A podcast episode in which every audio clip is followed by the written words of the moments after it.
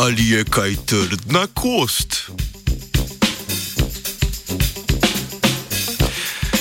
V torkovem jutranjem odmerku znanosti se bomo seznanili z napredkom na področju regenerativne medicine. Ameriški raziskovalni ekipi je uspelo razviti polimerni sistem za bolj lokalizirano dostavo proteina, ki spodbuja rast kosti. O odkritju smo poročali, oziroma so poročali v reviji Science Advances. Človeško telo ima veliko sposobnost regeneracije poškodovanega in izgubljenega kostnega tkiva. Zato so zaslužne posebne celice v kostnini, imenovane osteoblasti.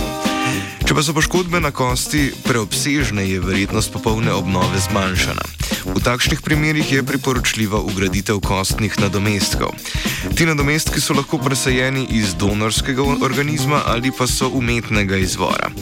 V zadnjih desetletjih smo bili priča pospešenemu razvoju umetnih tkiv za zamenjavo okvarjenih telesnih tkiv ali za izboljšanje njihovih funkcij.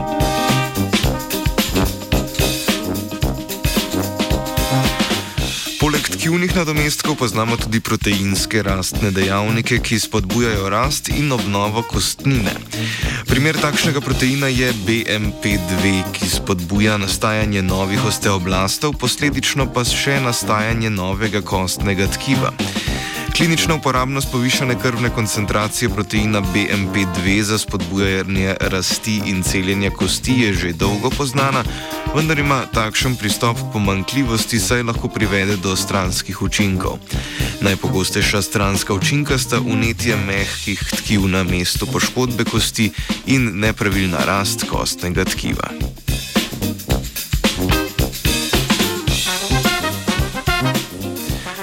Raziskovalna ekipa je ustvarila nosilne mikrodelce iz polimera heparina, na katerega se protein BMP2 dobro veže.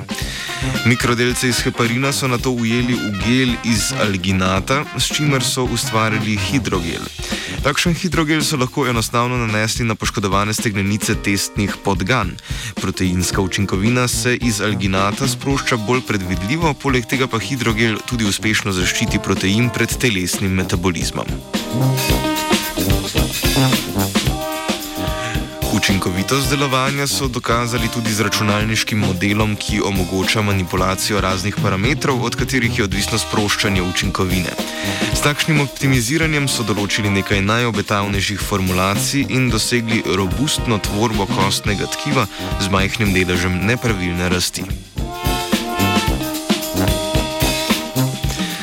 Ugotovitve iz objave potrjujejo možnost za nadaljne izboljšave formulacije, kot so naprimer kombiniranje več učinkovin za bolj učinkovito celjenje kosti, pot do kliničnih testiranj na ljudeh pa je še vedno vseeno dolga. Varno smučanje vam ne želi zgolj drogart, ampak tudi vajenec luka.